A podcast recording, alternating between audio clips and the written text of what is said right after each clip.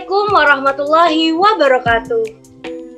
Halo Sobat Kepoin FTP, kembali lagi bersama kami di acara podcast BEM FTP. Kalian pasti penasaran dong, podcast kali ini bakalan membahas apa? Nah, podcast kali ini akan membahas tentang Himatirta atau Himpunan Mahasiswa Teknologi Industri Pertanian. Oh iya, sebelumnya kenalin namaku Sela Vanessa Praditya biasa dipanggil Sela. Aku asli dari kota Jember. Oh iya Sobat Kepoin FTP, pada episode kali ini kita kedatangan dari Ketua Umum Himatirta. Halo Mas Rifki. Halo juga Sela. Oh iya Mas Rifki, mungkin bisa perkenalan terlebih dahulu nih. Oke, nama aku Muhammad Rifki bisa dipanggil Rifki uh, saya juga uh, asal dari Jember uh, dan juga saya sebagai Ketua Umum Himpunan Mahasiswa Teknologi Industri Pertanian atau Himarita periode 2021. Oh ya, gimana nih kabarnya Mas Rifki? Uh, kabarnya sih baik ya, mungkin uh, untuk kesibukan ya seperti uh, mahasiswa semester akhir pada umumnya lah. Ya mungkin dari Sela sendiri kan udah tahu kesibukannya apa. Iya nih Mas. Oh ya Mas, uh, aku punya beberapa pertanyaan nih dari Sobat Kepoin FTP. Uh, eh, yang pertama, menurut Mas Rifki, seberapa penting sih organisasi bagi kita para mahasiswa? Oke, pertanyaan pertama ini bagus banget ya, karena pastinya banyak teman-teman mahasiswa yang masih menganggap buat apa sih ikut organisasi, karena kita kuliah itu kan udah banyak beban tugas. Kalau eh, tanggapan saya atau eh, pendapat saya mengenai seberapa penting mahasiswa untuk mengikuti organisasi, itunya eh, tentunya sangat penting saya Bukan karena saya di sini posisi sebagai ketua, tapi uh, memang uh, sebagai mahasiswa untuk mengikuti organisasi itu sangat penting karena dengan mengikuti organisasi kemahasiswaan kita dapat memperoleh banyak keuntungan terutama dari segi menambah relasi dan pengalaman. Tapi selain itu juga banyak banget manfaat yang bisa kita dapat seperti belajar mengatur waktu, melatih jiwa kepemimpinan, dan bisa menjadi lebih percaya diri dengan melatih cara berkomunikasi kita, semacam melatih kemampuan public speaking gitu. Bener banget nih.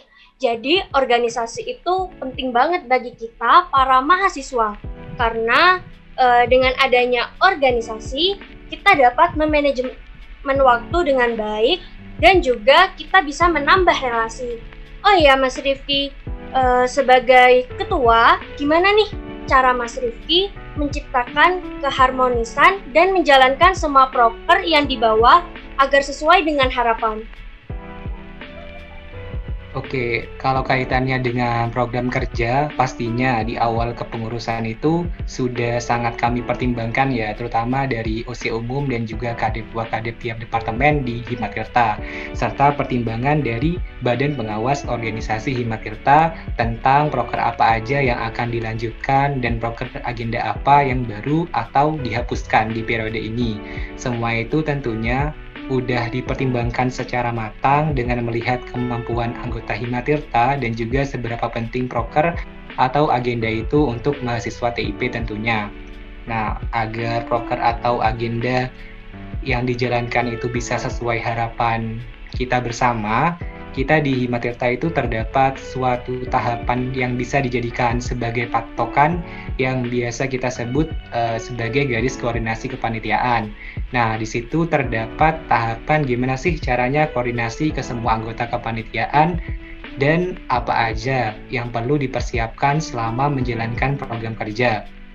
Di awal kepengurusan, uh, kita terutama dari uh, kami OC Umum Himatirta juga memberikan sedikit pelatihan sederhana tentang uh, untuk anggota kami yang kami tugaskan atau kami tunjuk sebagai OC kepanitiaan program kerja Himatirta.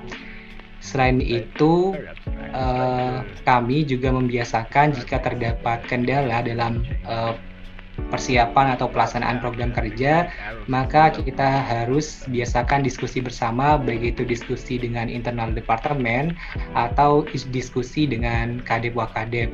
Dan saya biasakan juga, terutama untuk diri saya sendiri sebagai ketua, bukan hanya memimpin dan mengatur serta bertanggung jawab saja, tetapi saya juga siap untuk memberikan solusi terbaik dan mencontohkan tata cara yang benar berdasarkan pengalaman saya di periode sebelumnya. Dan untuk keharmonisan ya, itu kaitannya uh, mungkin dengan Departemen Pengembangan Organisasi Himatirta yang memang uh, eh, DPU itu uh, ditugaskan untuk mendengarkan aspirasi dari anggota Himatirta yang mungkin kurang percaya diri menyampaikan secara langsung jika terdapat kendala. Dan uh, juga berkaitan dengan keharmonisan, mungkin uh, teman-teman Ormawa atau teman-teman mahasiswa sering banget ngelihat uh, sekretariat Himatirta itu termasuk yang nggak pernah sepi kan. Nah, itu uh, pengurus yang kebetulan ada di Jember atau domisili Jember uh, memang sering mengadakan kumpul tentunya uh, dengan menerapkan protokol kesehatan. Nah, dan kami biasakan juga untuk ruang sekretariat Himatirta itu bukan hanya sekedar milik Himatirta, tapi milik bersama, yaitu milik uh, mahasiswa TIP. Jadi bukan ruang sekret Himatirta disebutnya, tapi ruang sekret mahasiswa TIP. Nah, kalau lagi kumpul-kumpul di ruang sekretariat itu, kita biasanya ngelakuin hal-hal sederhana. Biasanya uh, seperti masak-masak bareng atau makan bareng dan juga kadang kita uh, sering jalan-jalan gitu kalau ada waktu. Nah semua itu tentunya untuk uh, lebih akrab untuk menjaga keharmonisan di internal pengurus di Madirta seperti itu. Wih keren banget nih. Berarti dapat disimpulkan kalau dari Mas Rifki sendiri mencara menjalankan semua proker supaya sesuai dengan harapan yaitu dengan cara membuat garis koordinasi. Kemudian untuk menciptakan keharmonisan di Himatirta dari Mas Rifki ini dan juga di Himatirta itu ada Departemen Pengembangan Organisasi yang memang fokusnya di internal kepengurusan.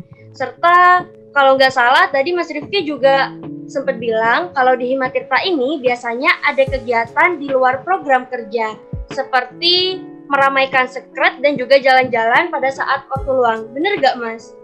Ya itu bener banget Sela itu uh, pastinya agar kita lebih akrab sih dan menjaga uh, keharmonisan juga di internal kepengurusan Himatirta.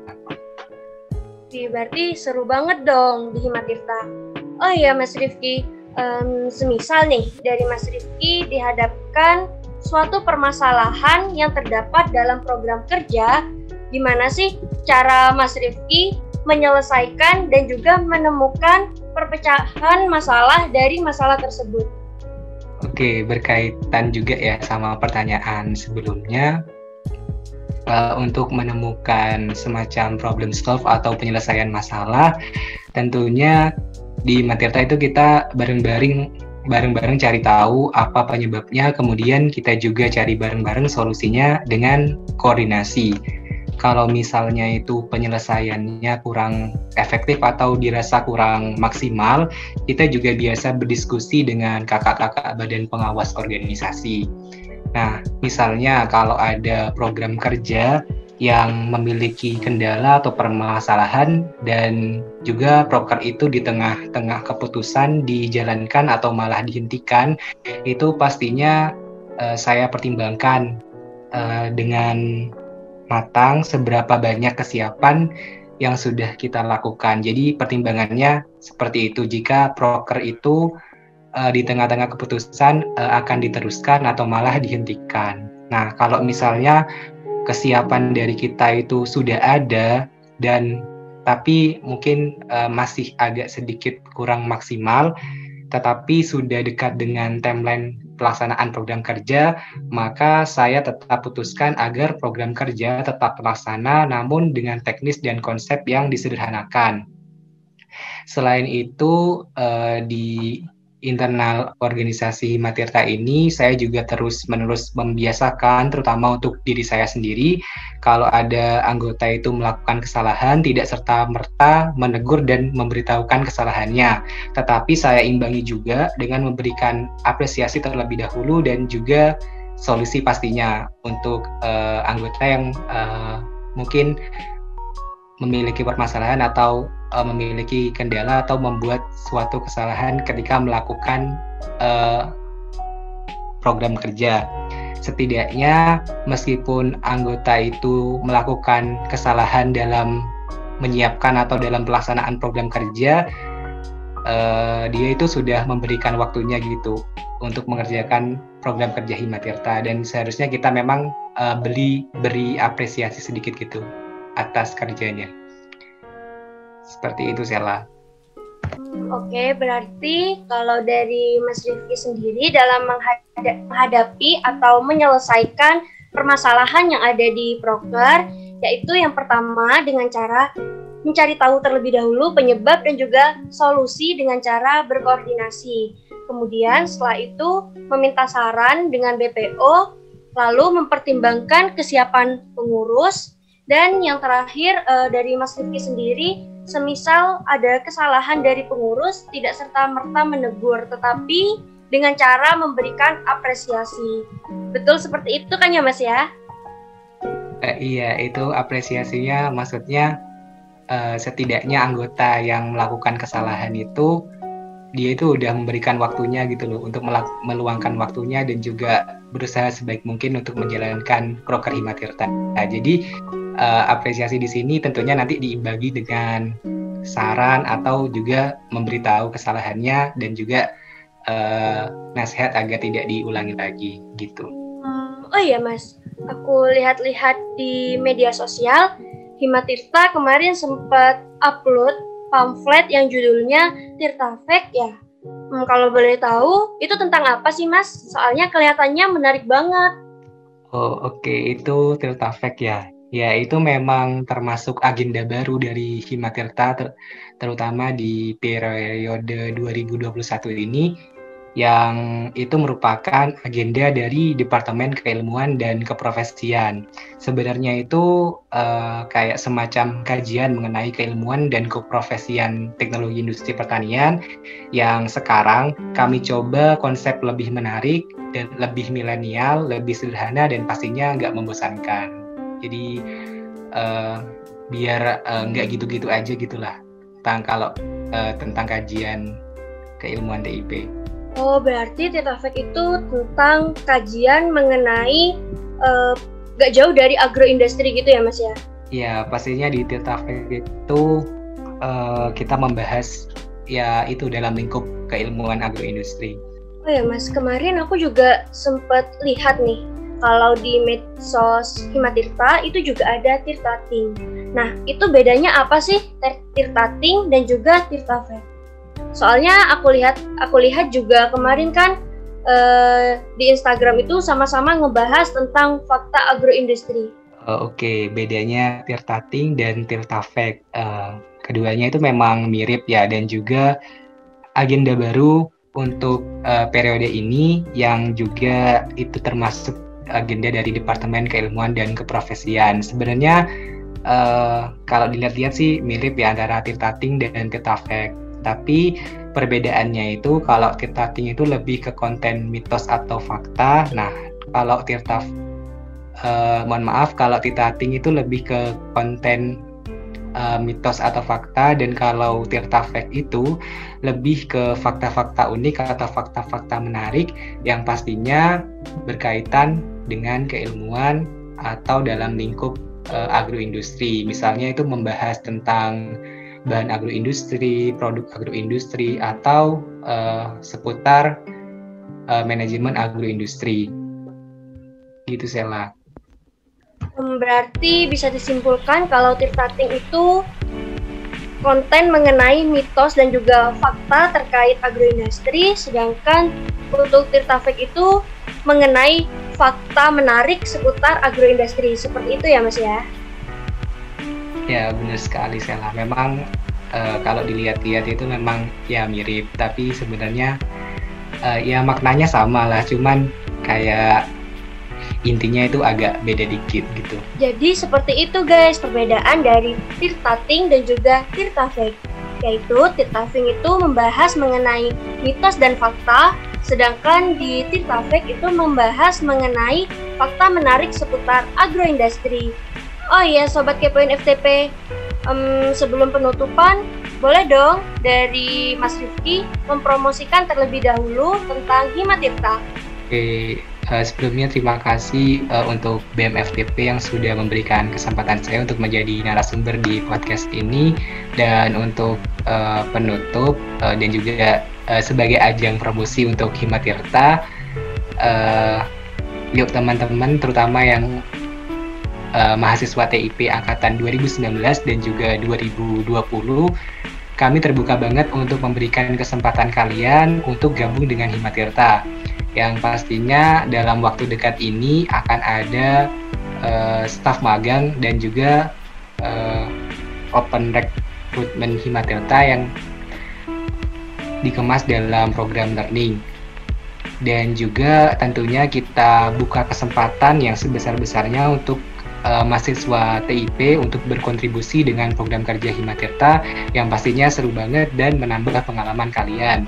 Pesan saya selama kita di bangku kuliah kita harus punya banyak relasi, punya banyak pengalaman, punya sifat kepemimpinan dan kemampuan public speaking yang baik. Karena nantinya kalau teman-teman di dunia kerja persoalan akademik itu tidak menjadi suatu patokan yang utama tapi juga uh, melihat dari soft skill atau riwayat pengalaman terutama riwayat organisasi yang teman-teman punya. Dan sekali lagi angkatan 2019 dan 2020 uh, eh, bisa bergabung bersama kami di Matrita untuk mendapatkan soft skill itu dan juga pastinya menjadikan program studi teknologi industri pertanian Universitas Jember yang ke depannya lebih jaya berprestasi. Nah, bener banget tuh buat teman-teman TIP, jangan lupa untuk gabung di Himatirta supaya bisa menambah soft skill dan juga menambah relasi. Oh iya, karena waktunya sudah habis, saya ucapkan terima kasih pada Mas Rifki sebagai narasumber pada podcast kali ini. Buat teman-teman kepoin FTP, tetap stay tune di podcast selanjutnya. Aku, Salam Vanessa Praditya, pamit undur diri. Kurang lebihnya mohon maaf. Wassalamualaikum warahmatullahi wabarakatuh. See you.